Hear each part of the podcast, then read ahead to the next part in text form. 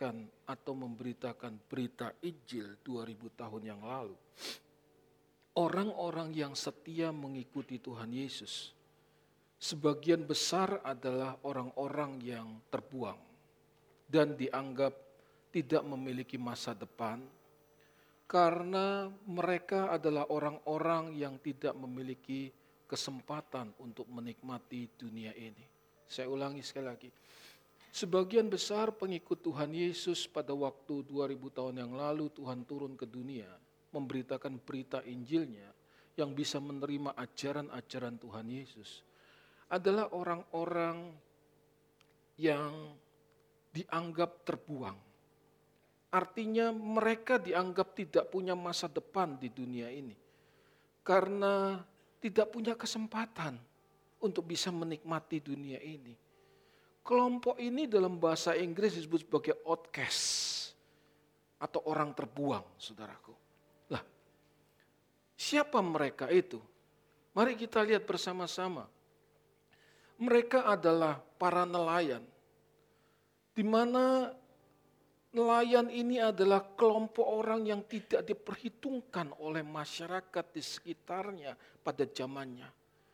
Karena secara ekonomi mereka tidak mungkin bisa menikmati hidup. Hasil yang mereka peroleh hari itu habis untuk memenuhi kebutuhan hari itu juga. Sedangkan kelompok yang lain adalah para pemungut cukai, saudara. Kelompok ini adalah kelompok yang tidak disukai, bahkan dikutuk oleh bangsanya sendiri. Karena dianggap sebagai seorang pengkhianat. Saudara harus tahu pada waktu itu Palestina dijajah oleh Roma. Dan setiap orang Palestina harus membayar pajak satu dinar kepada Kaisar Roma. Dan petugas yang memungut pajak atau disebut sebagai pemungut cukai itu adalah orang Palestina sendiri. Jadi para pemungut cukai ini meskipun ia bisa memiliki harta yang banyak, tetapi jadi musuh rakyatnya sendiri, saudaraku. Dan secara sosial orang-orang seperti ini dianggap terbuang oleh masyarakat di sekitarnya. Kelompok yang lain adalah Tuhan juga bergaul dengan para pelacur, saudaraku. Bahkan dengan orang kusta di mana orang kusta pada saat itu adalah orang-orang yang sangat terpinggirkan. Karena kalau mereka mereka tidak mungkin bisa bergaul dengan masyarakat sekitarnya. Dan kalau mereka harus lewat di tengah-tengah masyarakat, orang-orang yang berkerumun pada waktu itu, mereka harus berteriak najis, najis, najis, saudara. Tetapi orang-orang yang terbuang seperti inilah yang setia mengikuti Tuhan Yesus. Dan mereka bisa menerima ajaran yang diajarkan oleh Tuhan Yesus, saudaraku. oleh karena itu, di dalam Matius pasal yang ke-11, ayat yang ke-25, di dalam doanya kepada Bapa di sorga, Tuhan Yesus berkata, Aku bersyukur kepadamu Bapa, Tuhan langit dan bumi, karena semuanya itu engkau sembunyikan bagi orang bijak dan orang pandai, tetapi engkau nyatakan kepada orang kecil.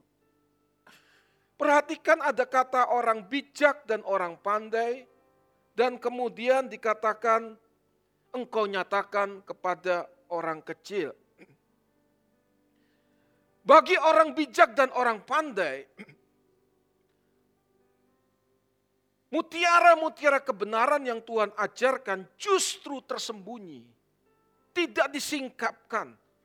Tetapi bagi orang kecil, justru mutiara-mutiara kebenaran yang Tuhan ajarkan disingkapkan sehingga mereka bisa mengerti ajaran Tuhan Yesus dan menerima ajaran Tuhan Yesus. Saya harap saudara bisa mengikuti alur yang akan saya sampaikan, saudaraku. Lah, orang bijak Bijak itu bahasa aslinya, bahasa Yunaninya adalah Sophia atau Sopon. Bijak.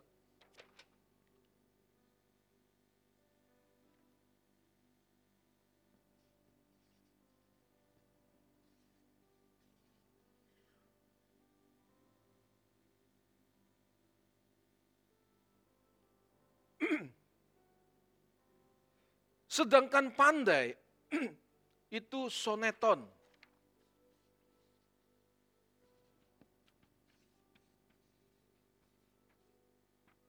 Soneton.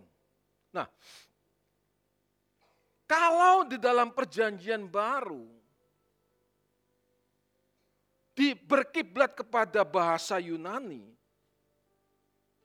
karena pada waktu itu seluruh dunia dikuasai oleh budaya Yunani. Meskipun Roma yang berkuasa, Roma yang memerintah, tapi seluruh dunia dikuasai oleh budaya Yunani, saudaraku. Di mana budaya Yunani ini sudah mengakar kuat di masyarakat dan dipandang sebagai sebuah nilai tertinggi dalam kehidupan. Oleh karena itu, hanya orang-orang tertentu yang bisa belajar filsafat Yunani, Saudara. Hanya orang-orang tertentu. Dan orang-orang tertentu ini adalah orang-orang kaya, para cerdik cendekiawan, dan para bangsawan. Mereka inilah yang dijuluki oleh Tuhan sebagai orang bijak, saudara. Mereka inilah yang dijuluki oleh Tuhan sebagai orang bijak. Jadi bukan semua orang yang dianggap sebagai orang bijak pada waktu itu. Orang bijak adalah orang-orang yang belajar filsafat Yunani. Dan orang-orang ini pasti orang-orang bangsawan, orang-orang kaya, dan cerdik cendekiawan, saudara. Sedangkan orang pandai atau soneton, itu adalah orang-orang menunjuk kepada orang-orang yang berhati-hati. Dan itu adalah kelompok rohaniawan, saudara. Rohaniawan. Tetapi Alkitab justru berkata, Tuhan menyembunyikan kebenaran Injil kepada orang-orang ini. Tetapi menyatakan kepada orang kecil. Orang kecil. Yang dimaksud orang kecil ternyata nepios. Nepios. Yang Tuhan maksud orang kecil itu nepios. Maka saudara, betapa hebatnya kebenaran firman. Kalau kita mau belajar menggali teks aslinya, mengerti bahasa aslinya, Bukan sembarang ngawur, saudaraku. Saya ada di sini berdiri di balik platform ini untuk mengajarkan kebenaran, tapi terlebih lebih dari segalanya saya mempraktekkan kebenaran, saudara. Percuma saya bisa mengajarkan kebenaran kalau saya tidak mempraktekkan kebenaran, maka kebenaran itu tidak punya kekuatan untuk mengubahkan, saudara. Tapi ketika belajar kebenaran dengan sungguh-sungguh, berjuang menghidupi kebenaran dengan serius, maka apa yang diajarkan dan disampaikan dan orang melihat hidup kita pasti berubah, saudara. Pasti akan mengubahkan, saudara. Nah, sekali lagi orang kecil ini nepios, artinya bayi. Bayi, nepios ini bayi.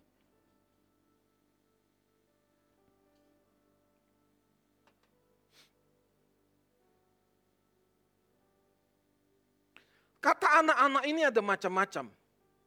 Ada yang disebut paidion, yaitu anak umur 7 sampai 14 tahun. Anak dalam arti keturunan, yaitu teknon. Dan anak dalam arti pangeran, huyos, yang selama ini kita dengar.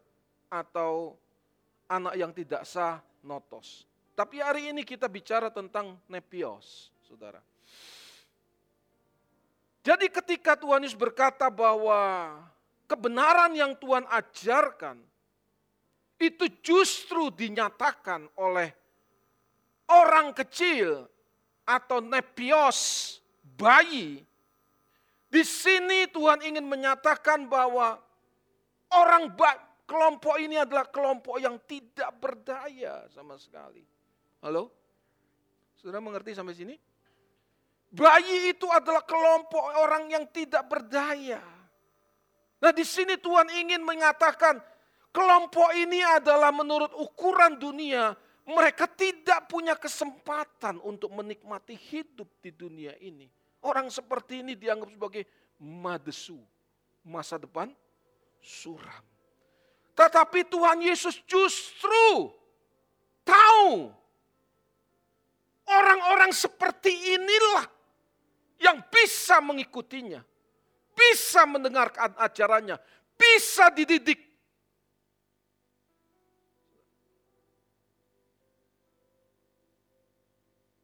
Jadi Tuhan bisa menyampaikan ajaran Injilnya kepada orang-orang kecil seperti ini. Karena orang-orang ini belum terkontaminasi dengan kesenangan yang dunia tawarkan. Sehingga kelompok ini akan lebih mudah diarahkan hanya kepada satu titik. Yaitu Tuhan dan kerajaannya saja. Hanya bisa, kelompok ini bisa diarahkan hanya kepada satu titik. Tuhan dan kerajaannya. Karena hanya dengan fokus kepada satu titik yaitu Tuhan dan kerajaannya. Iman orang percaya tidak mudah terkontaminasi dengan kesenangan yang dunia tawarkan. Demikian juga sebaliknya. Jika seseorang sudah terkontaminasi dengan kesenangan yang dunia tawarkan, sulit untuk diarahkan kepada Tuhan dan kerajaannya.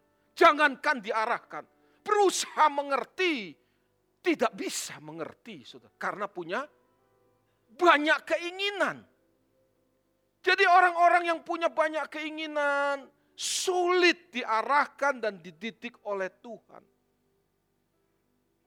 Oleh karena itu orang-orang kecil yang tidak memiliki kesempatan untuk menikmati dunia lebih mudah diajar dan diarahkan kebenaran yang Tuhan Yesus ajarkan, saudaraku.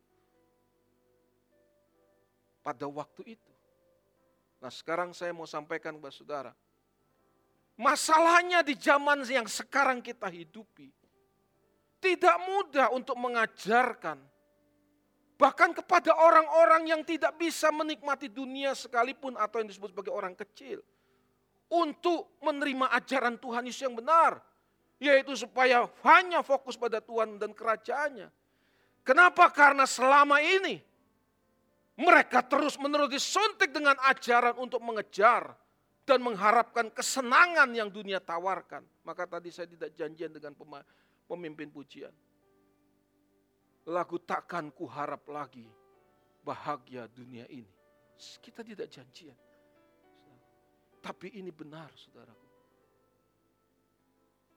Selama ini orang percaya disuntik, punya banyak keinginan. Tuhan kita kaya. Dia bisa memenuhi semua keperluanmu menurut kekayaan dan kemuliaannya. Nanti kita akan bahas mengapa ada ayat itu, saudara. Asal comot, tidak mengerti maksudnya. Berita yang disampaikan dengan motivasi yang serakah untuk kepentingan diri sendiri. Akhirnya jemaat justru jadi rusak. Orang-orang yang tidak punya kesempatan untuk menikmati dunia sekalipun makin rusak. Saudaraku, Tahukah saudara, banyak orang secara logika tidak mungkin bisa memiliki kesempatan menikmati dunia ini karena berbagai macam alasan. Baik secara sosial, ekonomi yang hidup pas-pasan, hanya hidup hari demi hari untuk memenuhi kebutuhan hidupnya, itu pun dia sudah bisa berterima kasih. Maupun tubuh yang sudah makin termakan usia, tidak mungkin bisa makin punya banyak keinginan Bapak Ibu. Halo? Betul? Semakin tua usia kita, tulang pegel-pegel. Makan banyak sebah. Nggak bisa banyak. Lihat makan, makanan enak, fuyung hai, capcay, semua cuma bisa ngiler, saudaraku. dulu makan durian musangking. Musangking. Dia beli, dia hajar. Sekarang kalau lihat musangking, cuma benangnya yang ditarik. Gitu saudaraku. Benar. Saya sudah ketemu saudaraku. Dulu ampun deh tiga musangking lima hajar. Sekarang dia pingin benangnya aja ditarik. Enak.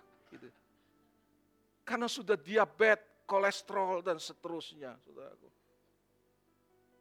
Ini realita. Realita. Saudara. Jadi yang saya ajarkan di balik mimbar ini, jangan mengharap bahagia dunia ini. Bukan berarti kita tidak boleh hidup bahagia.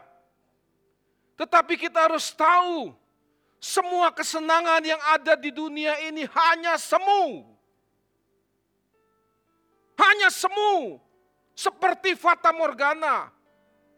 Sebahagia-bahagianya seseorang hidup di dunia ini pasti berakhir bersama dengan kematiannya, saudaraku.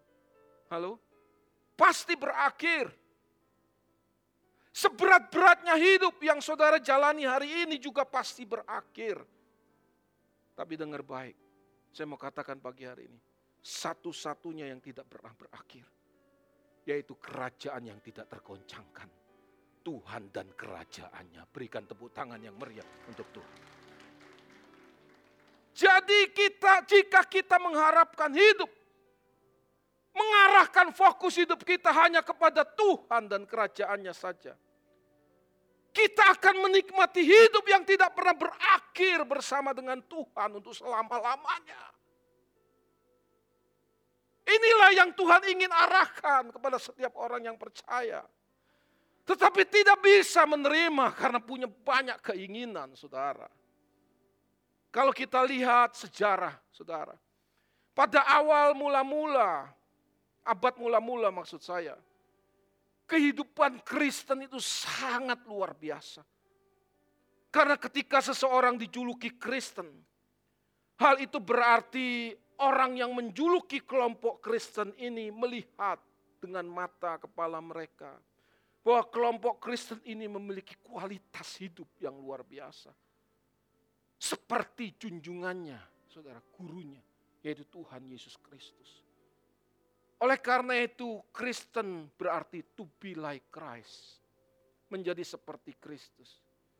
Jadi kalau saudara dan saya melakukan aktivitas Kristen atau mengaku sebagai orang Kristen, kalau tidak makin bertumbuh menjadi seperti Kristus, sebenarnya kita bukan Kristen, saudara.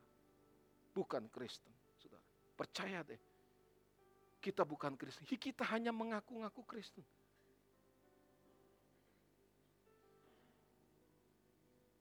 Tetapi kelompok yang luar biasa ini dengan berjalannya waktu justru mengalami kemerosotan luar biasa. Hal itu diawali pada tahun 380 Masehi ketika Kaisar Roma yang bernama Konstantinus jadi Kristen, Kaisar pemimpin jadi Kristen, dan mulai mengkristenkan semua penduduk Roma. Dan Kaisar Theodosius Agung mengesahkan Kristen menjadi agama negara. Justru pada saat itu Kristen makin mundur dan rusak. Justru pada saat itu Kristen jadi mundur dan rusak. Kristen mulai menyimpang dari ajaran Tuhan Yesus.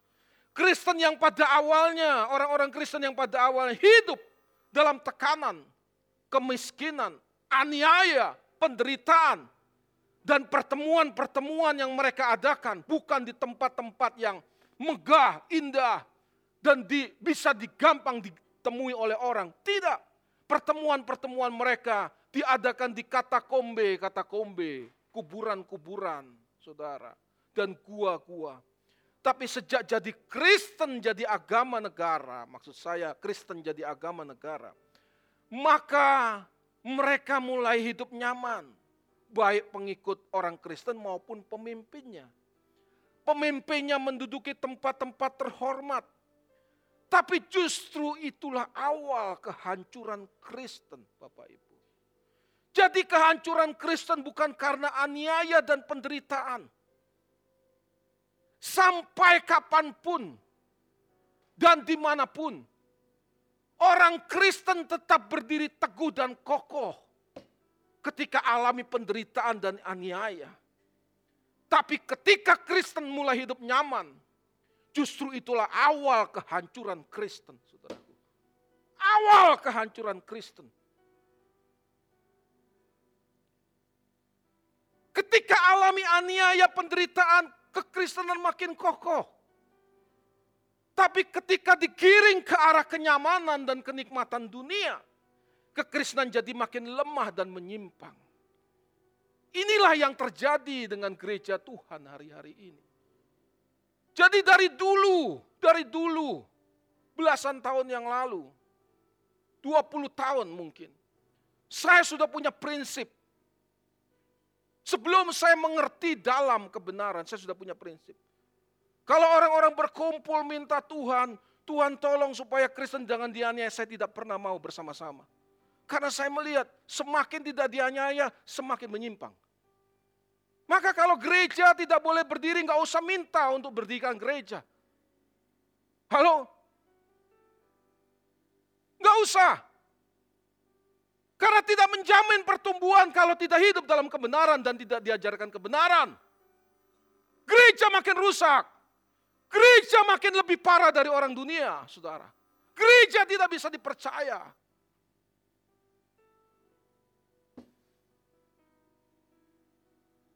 Kristen bertumbuh ketika justru alami aniaya dan penderitaan.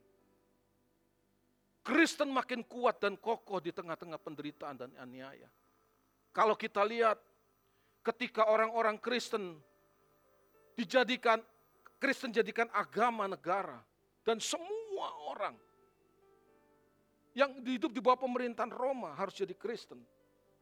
Maka itu saat di mana orang Kristen berjaya, Saudara. Berjaya. Di mana kuil-kuil dihancurkan sejak saat itu dan mulai menjadi gereja. Dibangun gereja-gereja yang megah. Sebagaimana yang kita lihat di Eropa hari-hari ini. Lalu para rohaniawan yang semula memakai pakaian compang-camping diganti dengan menggunakan pakaian sutra dan duduk di antara bangsawan Roma. Justru kondisi seperti inilah yang membuat kekristenan mengalami kemerosotan yang luar biasa, bahkan jadi rusak. Saya ulangi sekali lagi, musuh Kristen, musuh utama hancurnya kehidupan Kristen. Bukan tekanan, bukan aniaya, bukan penderitaan. Musuh utama Kristen adalah ini Bapak Ibu.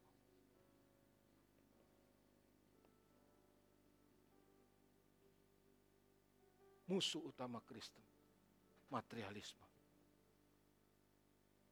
Masalahnya hari-hari ini justru materialisme dikejar oleh banyak orang Kristen. Sehingga banyak orang cenderung berpikir, kalau ikut Tuhan akan jadi makin kaya, makin diberkati, makin jadi kepala dan tidak pernah jadi ekor. Intinya, semuanya ini dikejar untuk apa? Satu. Dinikmati.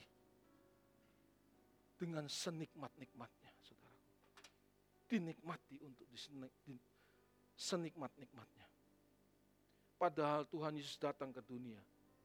Tidak pernah menawarkan kenyamanan apalagi kemewahan. Tuhan tidak pernah menawarkan, tunjukkan kepada saya. Mana ayat di mana Tuhan menawarkan kenyamanan. Jangankan kenyamanan, ke, jangankan kemewahan, kenyamanan saja tidak, saudara. Hal itu terbukti ketika dia dibawa ke tempat yang tinggi melihat seluruh keindahan dunia.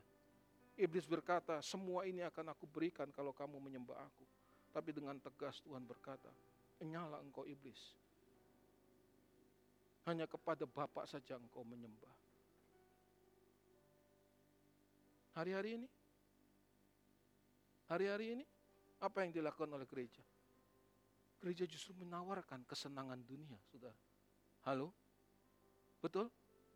Gereja justru menawarkan keindahan dunia. Ironisnya, ada banyak orang percaya yang tidak bisa menikmati. Sudah pasti tidak mungkin bisa menikmati secara nalar dan logika. tapi masih mengharapkan sampai mati tidak pernah mengerjakan keselamatannya dengan takut dan gentar.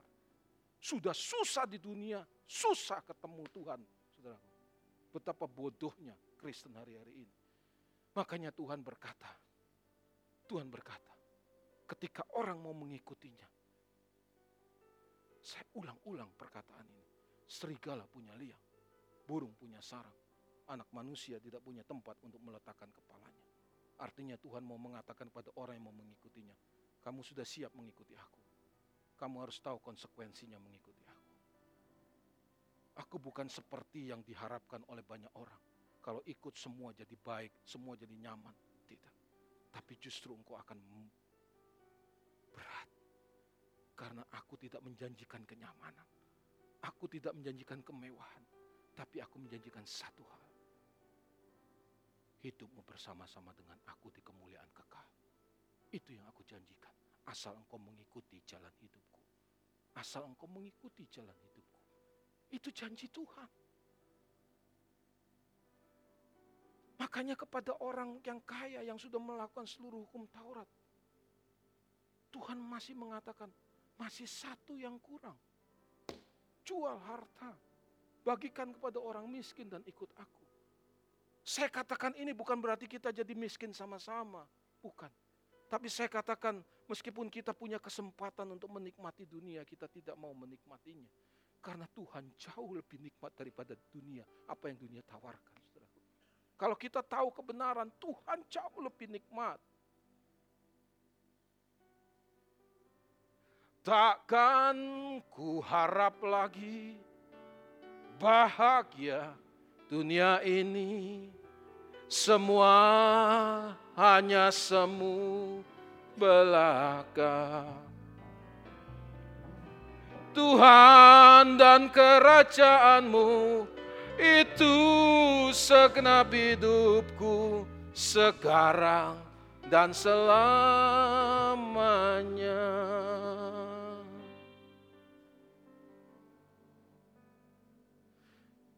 Jadi gereja Tuhan harus kembali kepada ajaran yang diajarkan Tuhan Yesus. Yaitu supaya setiap orang yang percaya kepadanya sadar bahwa hidup di dunia ini bukanlah untuk meraih sebanyak-banyaknya yang dunia tawarkan. Tapi belajar untuk makin mengenal Tuhan dengan benar. Karena hanya ketika seseorang makin mengenal Tuhan dengan benar, Orang itu bisa hidup sesuai dengan kehendak Tuhan. Tidak mungkin kita bisa hidup dalam kehendak Tuhan kalau kita tidak mengenal dengan benar. Mengenal Tuhan dengan benar. Dan hanya orang yang hidup sesuai dengan kehendak Tuhan. Dialah yang akan dipermuliakan bersama-sama dengan Tuhan. Semakin kita sadar dan bisa menghayati bahwa hidup kita di dunia ini hanyalah untuk mempersiapkan diri dipermuliakan bersama dengan Tuhan. Kita nggak akan mengharapkan banyak di dunia ini.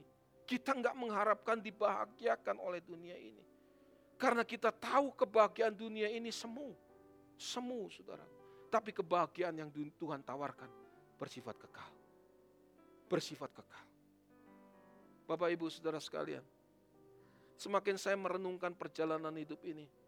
Saya tiba pada sebuah kesimpulan kalau seseorang tidak mengenal kebenaran atau tidak mengalami penyingkapan kebenaran, maka tidak bisa melihat dan menghayati bahwa semua yang dia kejar dan diperjuangkan habis-habisan itu semu dan sia-sia. Tidak bisa. Kalau kita mengatakan kita menantikan hari Tuhan, hanya harimu Tuhan, bukan berarti kita duduk-duduk dan kita jadi orang yang tidak berguna. Menjadi beban buat masyarakat tidak. Kita bekerja giat, tapi di tengah-tengah kita serius bekerja giat, kita sungguh-sungguh, kita belajar menghayati berjalan bersama bersama Tuhan. Halo? Berjalan bersama Tuhan, di situ Tuhan pasti akan menyatakan hikmat-hikmatnya, saudara.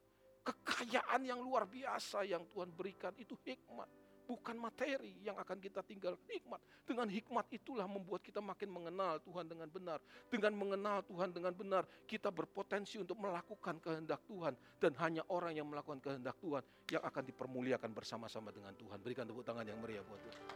yang akan dipermuliakan bersama dengan Tuhan. Itu saudara. Itu. Jadi kalaupun kita diberkati hati kita tidak melekat kepada dunia saudara. Tidak.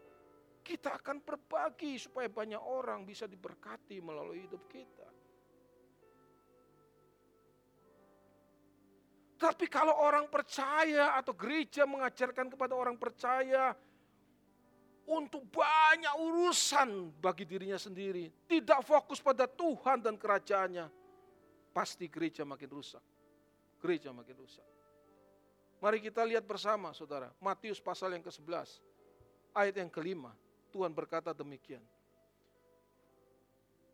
Orang buta melihat, orang lumpuh berjalan, orang kusta menjadi tahir, orang tuli mendengar, orang mati dibangkitkan, dan kepada orang miskin diberitakan kabar baik. Perhatikan sungguh-sungguh ayat ini, saudara. Perhatikan sungguh-sungguh. Buta, buta, melihat, kemudian lumpuh, selalu kan antitesa. Halo? Lumpuh berjalan, kusta, tuli, mati, miskin, kaya. Hah? Tuhan ngomong kaya. Tuhan ngomong apa? Diberitakan kabar baik, hebat. Kebenaran. Saya ulangi, buta, tuli, lumpuh, kusta, mati, miskin. Kabar baik itu yang benar. Gereja hari-hari bilang miskin, kaya. Mana ayatnya bro? Mana ayatnya? Diberitakan kabar baik.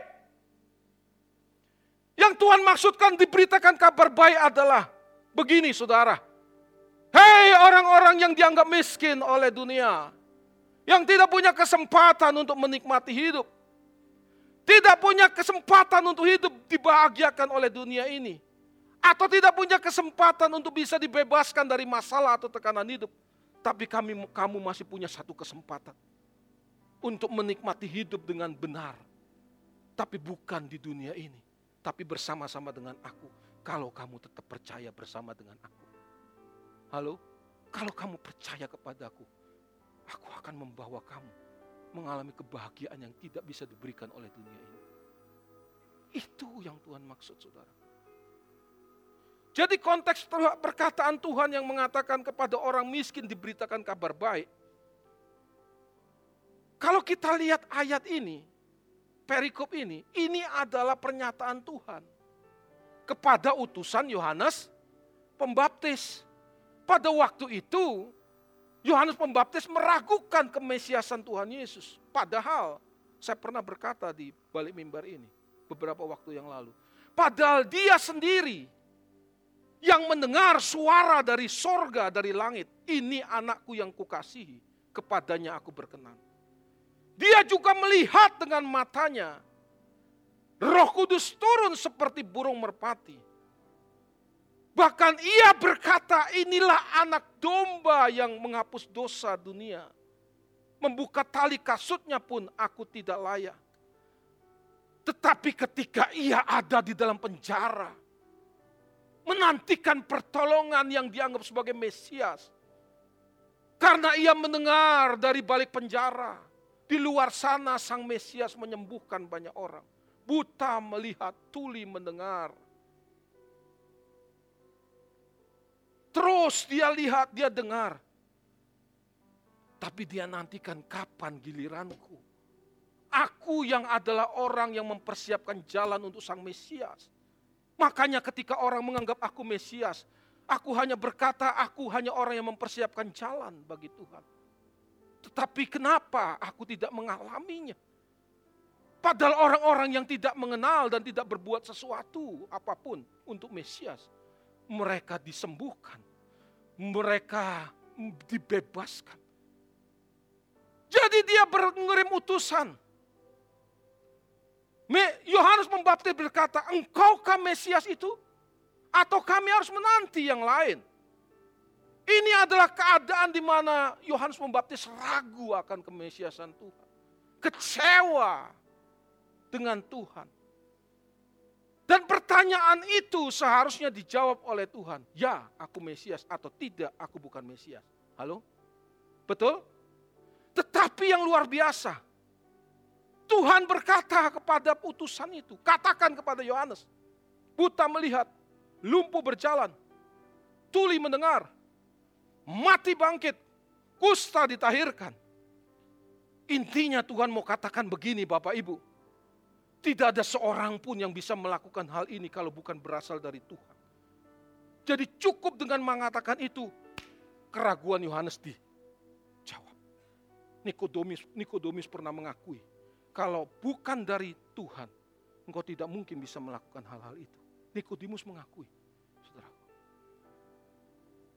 Jadi cukup dengan perkataan itu, maka semua keraguan, Harapan-harapan Yohanes untuk dibebaskan terjawab, saudara. Terjawab. Apa yang saya mau katakan begini. Seharusnya sejak seseorang jadi Kristen, ia harus makin berjuang untuk hanya memiliki satu tujuan. Satu tujuan bukan yang lain. Yaitu Tuhan dan kerajaannya. Karena kalau makin banyak keinginan, makin banyak tujuan, maka akan cenderung menciptakan Tuhan dalam fantasinya. Sehingga hubungannya yang dibangun dengan Tuhan bukan dengan Tuhan yang real, tapi Tuhan menurut keinginannya. Halo? Tuhan menurut keinginannya. Tuhan menurut keinginannya. Makanya Tuhan Yesus ajar kepada orang percaya, murid-muridnya dan kita. Doa Bapa kami. Di mana di dalam bait doa Bapa kami, datanglah kerajaanmu di bumi seperti di datang kerajaanmu di bumi seperti di surga. Artinya, kita ini hidup di dalam kerajaan Tuhan. Halo? Betul? Kerajaan Tuhan yang maha tinggi. Atau kita itu meskipun hidup di dunia, ada sebuah pemerintahan yang tidak kelihatan. Pemerintahan yang tidak kelihatan, tapi sebenarnya kita hidup di bawah pemerintahan itu. Oleh karena itu orang yang sadar dia hidup di sebuah pemerintahan, dia harus tunduk pada pemerintahan itu. Hidup sesuai dengan peraturan pemerintahan itu. Orang percaya pun harus sadar. Kalau kita tahu bahwa kita hidup dalam pemerintahan Tuhan, apa yang kita lakukan, apa yang kita pikirkan, apa yang kita ucapkan, harus sesuai dengan standar dan selera Tuhan yang memiliki pemerintahan. Kalau saya katakan ini, saya bukan berarti sudah bisa sampai pada titik ini, tapi saya mau katakan ini mudah untuk dikatakan, tapi sulit diaplikasikan. Tapi tidak ada cara lain. Inilah pola hidup yang Tuhan kehendaki. Pola hidup yang Tuhan kehendaki. Orang yang bisa menjalani hidup ini, maka hidupnya akan ringan dan simpel, saudara. Enggak bulat, Dulu saya tidak bisa berpikir seperti ini. Karena saya punya banyak tujuan untuk ikut Tuhan. Dengan tujuan supaya saya bisa memperoleh banyak dari Tuhan. Makanya saya ingin itu, ingin itu, ingin itu. Seperti Nobita, saudara. Dan jadikan Tuhan Doraemon. Doraemon. Istri saya, tasnya itu selalu banyak permen, mainan, gitu saudaraku. Jadi kalau anak kecil ngomong gitu, Doraemon. Doraemon. Jadi selalu anak kecil dapat gitu. Meskipun ini anak kecil kan suka diberi hadiah, kecil-kecil masih kecil. Nah, kita sudah besar bro. Oh suka hadiah begitu-begitu. Hah? Kapan kita memberi? Kapan? Saya mau tanya. Minta terus kapan kita memberi?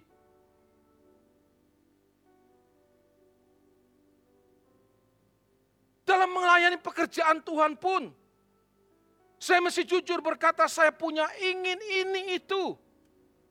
Tapi keinginan itu bedanya saya bungkus seolah-olah untuk Tuhan. Jadi kelihatannya rohani. Karena semua untuk Tuhan. Tapi sebenarnya saya mesti jujur itu untuk memenuhi ambisi pribadi saya.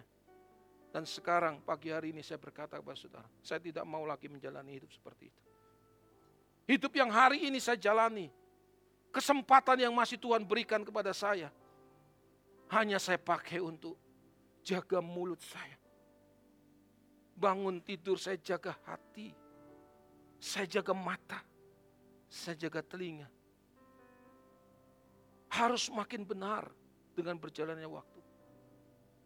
Supaya aku bisa mengakhiri hidupku dengan manis. Dan sementara aku menjalani hidup, aku bisa mewarisi hidup. Mewariskan hidup yang benar kepada orang-orang yang aku kasihi. Dan aku layani. Karena tujuanku cuma satu. Aku bisa berkumpul bersama-sama. Pada akhirnya dengan orang-orang yang aku kasih. Bapak Ibu Saudara sekalian, saya cuma mau katakan, ini saatnya engkau memperkarakan, saudara. Ini saatnya engkau memperkarakan bagaimana engkau menjalani hidup, saudaraku. Bagaimana engkau menjalani hidup hari-hari ini. Perkarakan ke mana kita pulang. Cepat atau lambat suatu saat kita bertemu Tuhan. Halo? Suka atau tidak kita bertemu Tuhan. Kalau ujung-ujungnya ketemu Tuhan, kenapa kita tidak memperkarakan sejak sekarang? Dan mempersiapkan hidup kita hanya Tuhan dan kerajaannya dalam hidup kita. Ujung-ujungnya ketemu Tuhan, gak ada yang lain. Perkarakan ke mana engkau pulang di hamparan padang hijau tak bertepi. Di sana tiada mentari dan tiada lagi bintang dalam jurang gelap kengerian.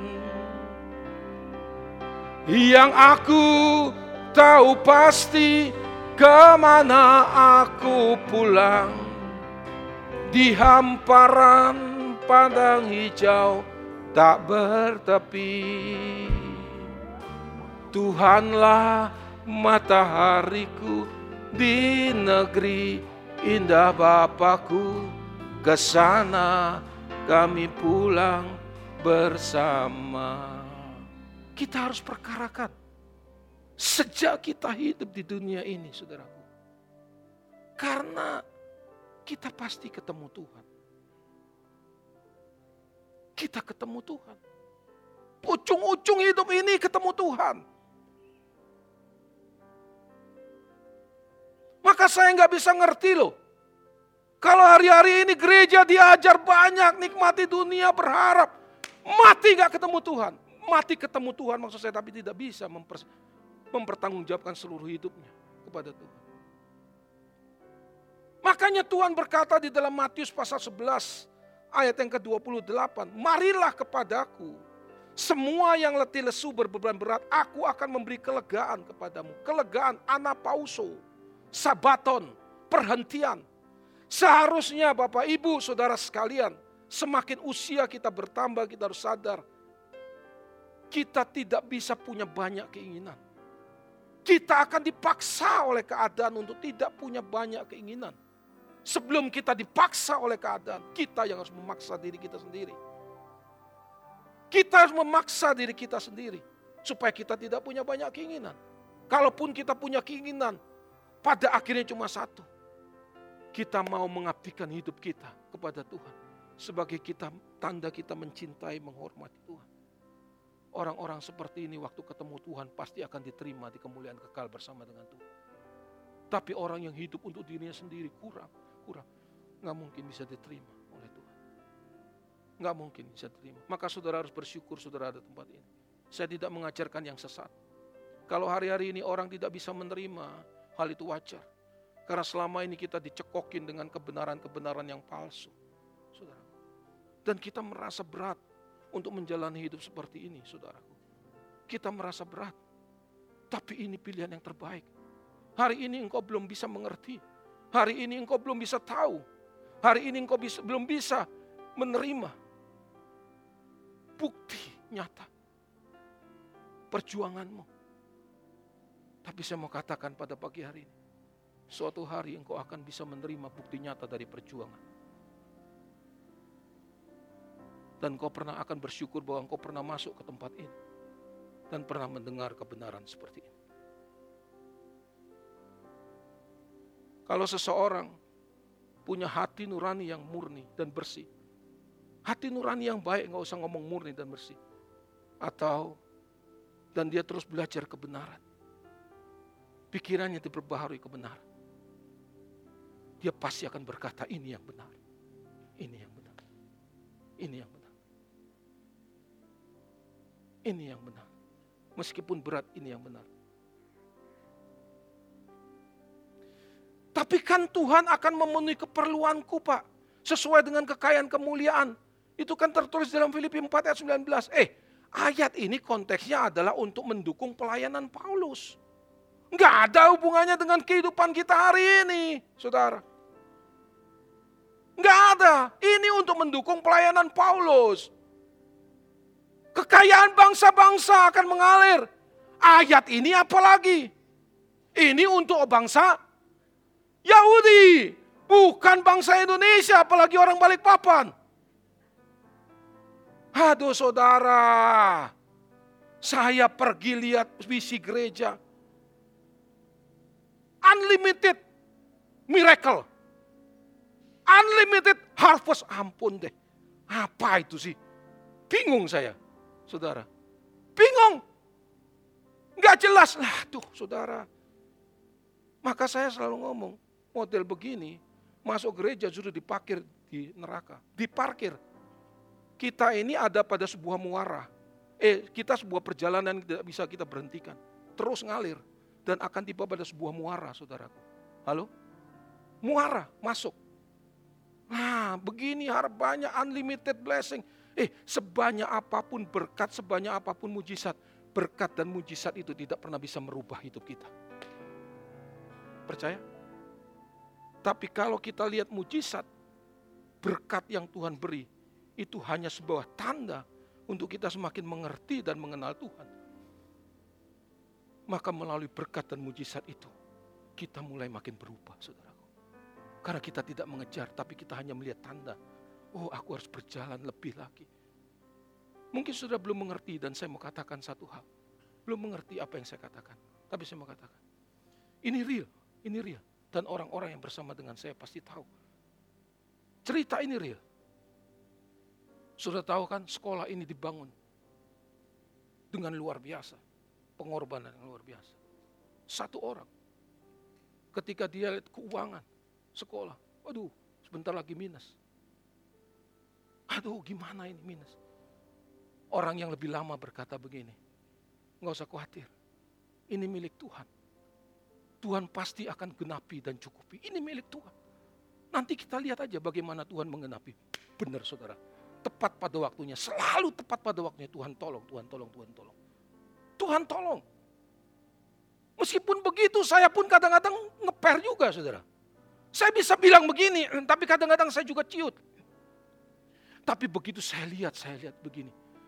Saya nggak fokus lagi Tuhan tolong lagi, Tuhan tolong enggak saya lakukan bagian yang terbaik yang saya bisa kerjakan. Dan situ orang-orang yang bersama saya juga melakukan bagiannya sesuai dengan kemampuan dan kapasitasnya. Dan di situlah hidup kita makin bertumbuh dan makin mengenal Tuhan. Dan hidup kita tidak kita arahkan kepada dunia. Tetapi kerajaan yang tidak pernah tergoncangkan. Yaitu kerajaan Yesus Kristus Tuhan. Yang dia janjikan di mana kita bersama-sama dengan dia. Untuk selama-lamanya. Berikan tepuk tangan yang meriah buat Tuhan.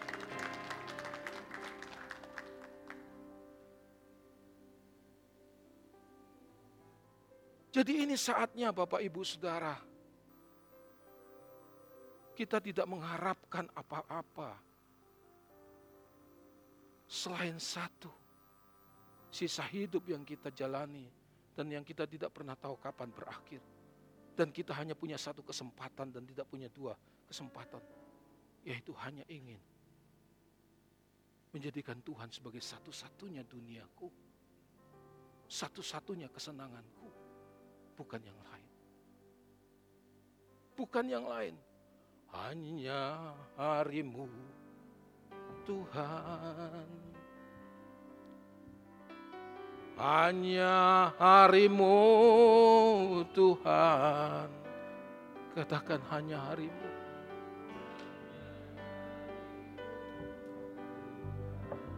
yang selalu ku nantikan.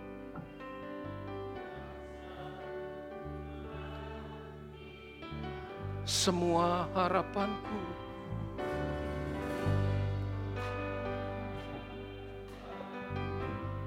ku taruh kepadamu.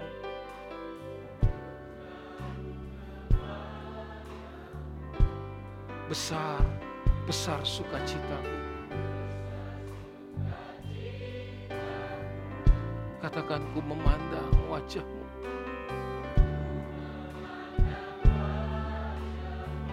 Takkan ku harap lagi bahagia. Semua hanya semua. Tuhan dan kerajaan.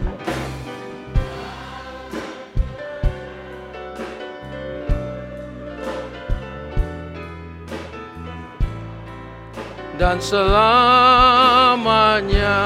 takkan ku harap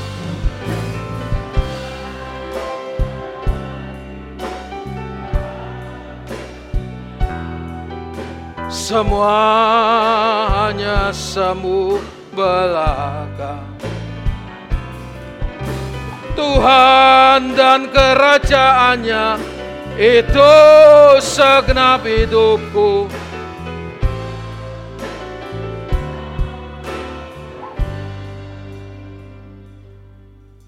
Jadi Bapak Ibu harus tahu, kalau Tuhan berkata buta melihat, lumpuh berjalan, tuli mendengar, kusta ditahirkan, mati bangkit. Semua mujizat itu tujuannya cuma satu. Agar orang-orang yang mengalami mujizat itu mengerti maksud Tuhan, mengapa Tuhan mengadakan mujizat tersebut. Yaitu supaya mereka makin mengenal Tuhan dengan benar Makanya diakhiri dengan perkataan kepada orang miskin diberitakan kabar baik. Tuhan tidak berkata kepada orang miskin supaya bisa jadi kaya. Tapi kepada orang miskin disampaikan kabar baik. Supaya orang-orang yang dianggap miskin atau tidak punya kesempatan untuk menikmati dunia. Tidak usah berharap lagi untuk dibahagiakan oleh dunia. Tapi fokus hanya kepada apa yang Tuhan inginkan untuk dia bisa lakukan. Karena hanya dengan fokus dengan apa yang dia inginkan untuk dia lakukan pada akhirnya dia bisa menikmati kemuliaan kekal bersama dengan Tuhan, saudara. Mujizat tidak pernah bisa mengubah orang kalau dia tidak mau fokus pada pribadi Tuhan. Maka sebenarnya bukan mujizat itu nyata, tapi Tuhan itu nyata. Halo? Bukan mujizat itu nyata, Tuhan itu nyata, saudara. Kok mujizat yang nyata? Saudara. Tahukah saudara? Tuhan berkata di dalam Matius pasal yang ke-11 ayat 23. Dan engkau Kapernaum. Apakah engkau akan dinaikkan sampai ke langit? Tidak. Engkau akan diturunkan sampai ke dunia orang mati. Karena jika di Sodom terjadi mujizat-mujizat yang telah terjadi di tengah-tengah kamu, kota itu tentu masih berdiri sampai hari ini, saudaraku. Seandainya ada mujizat di Sodom, Tuhan mau katakan pasti kota Sodom bertobat. Tapi orang Yahudi yang pada zaman Tuhan Yesus melihat, mengalami mujizat, mereka tidak mau bertobat karena memang dasarnya mereka tidak mau bertobat, saudara. Ingat Bapak Ibu, saya ulang sekali, sebanyak apa pun mujizat tidak otomatis membuat kita bertobat dan merubah karakter. Karena karakter kita hanya bisa berubah kalau kita dengan serius memperkarakannya lebih daripada kita mengejar mujizat. Lebih daripada kita mengejar mujizat. Kalau terus-menerus mengejar kenyamanan hidup, tidak mungkin seseorang bisa mempersiapkan hidupnya sebaik-baiknya untuk ketemu Tuhan. Oleh karena itu Bapak Ibu Saudara sekalian, kalau hari-hari ini saudara alami banyak masalah, inilah kesempatan untuk saudara mengerti kabar baik itu. Kabar baik itu. Sehingga saudara bisa mempersiapkan hidup dengan baik di tengah tekanan yang menghimpit. Dan saudara tetap berani berkata kepada Tuhan, bawa aku ke sana. Ajar aku setia mengerti semua maksud dan jalanmu. Tak ku ingini lagi indahnya dunia ini karena ku yakin sediakan sempurna. Jadi keadaan-keadaan seperti inilah di tengah-tengah himpitan, tekanan, masalah, persoalan. Itu yang membuat kita merindukan Tuhan melebihi apa pun. Hanya orang yang mengalami dan dia menyadari bahwa yang dia cari hanya Tuhan. Dia bisa berkata di tengah-tengah himpitan, tekanan, masalah, ketidakpastian, kekecewaan. Dia tahu cuma Tuhan satu-satunya harta yang paling berharga dalam hidupnya. Jadi meskipun kita punya banyak masalah, tidak tidak punya banyak masalah, maaf, meskipun kita tidak punya banyak masalah, kita harus tahu dan sadar dunia ini bukan rumah kita. Hidup kita di dunia ini hanya menumpang, mempersiapkan untuk memasuki hidup yang sesungguhnya. Jangan pernah berpikir hidup di bumi ini adalah tempat untuk kita menikmati hidup. Tapi bumi ini adalah tempat kita mempersiapkan hidup untuk memasuki hidup yang sesungguhnya. Makanya Bapak Ibu Saudara, kehormatan buat saya, kehormatan buat saya. Kalau beberapa tahun terakhir ini, saya memberitakan kebenaran seperti ini. Tolong mengerti apa yang saya katakan. Ini dalam. Kehormatan. Maka di tengah-tengah apa pun yang terjadi, di tengah-tengah aktivitas apa pun yang saya lakukan, saya terus cari wajah Tuhan. Saya berusaha mengerti apa yang Tuhan mau dan inginkan. Karena waktu saya mulai mengerti, saya berdiri di balik platform ini. Saya membagikan sebuah kekayaan yang tidak terbatas kepada saudara. Sudah saya mengerti dan mempersiapkan hidup dengan baik. Itu kehormatan. Tidak ada kehormatan yang lain. Maka saya pernah berkata kepada Tuhan, seandainya belasan tahun yang lalu saya mengerti ini, pasti lebih banyak orang yang akan diberkati, pasti lebih banyak orang akan mengalami kebaikan Tuhan, pasti banyak orang yang pada waktu itu belum mati, hidupnya dia persiapkan dengan sungguh-sungguh, saudara. Saya berkata demikian kepada Tuhan. Tapi saudara, kalau saya hari ini terima kebenaran ini, saya cuma mau katakan pada Tuhan, Tuhan, Aku pakai seluruh hidupku dengan serius dan sungguh-sungguh. Enggak ada yang lain yang aku cari sekarang ini. Selain aku berusaha makin mengenal engkau. Bagikan kebenaranmu. Supaya makin banyak orang mengalami kebaikan Tuhan. Lewat kebenaran yang aku sampaikan. Bukan cuma kebenaran. Tapi hidup yang aku bagikan. Mereka bisa lihat. Dan mereka terinspirasi untuk melakukan yang sama. Makanya Tuhan berkata, jika biji gandum tidak jatuh ke tanah dan mati, ia cuma satu. Artinya saya mau katakan, Tuhan waktu waktu itu berkata, kalau aku tidak mati, tidak akan ada keselamatan untuk dunia ini. Dalam konteks yang lebih kecil, kalau aku sebagai gembala sidang di tempat ini, aku tidak mati. Tidak mungkin aku bisa membawa orang lain untuk mengalami perubahan hidup. Sehingga hidup yang mereka arahkan cuma satu, hanya kepada Tuhan dan kerajaan maka aku harus mati dulu. Aku harus hidup hanya untuk Tuhan dan kerajaannya dulu. Supaya orang lain bisa melihat dan berani menjalani hidup yang sama seperti yang aku jalani. Jika biji gandum tidak jatuh ke tanah dan mati. Ia hanya satu biji.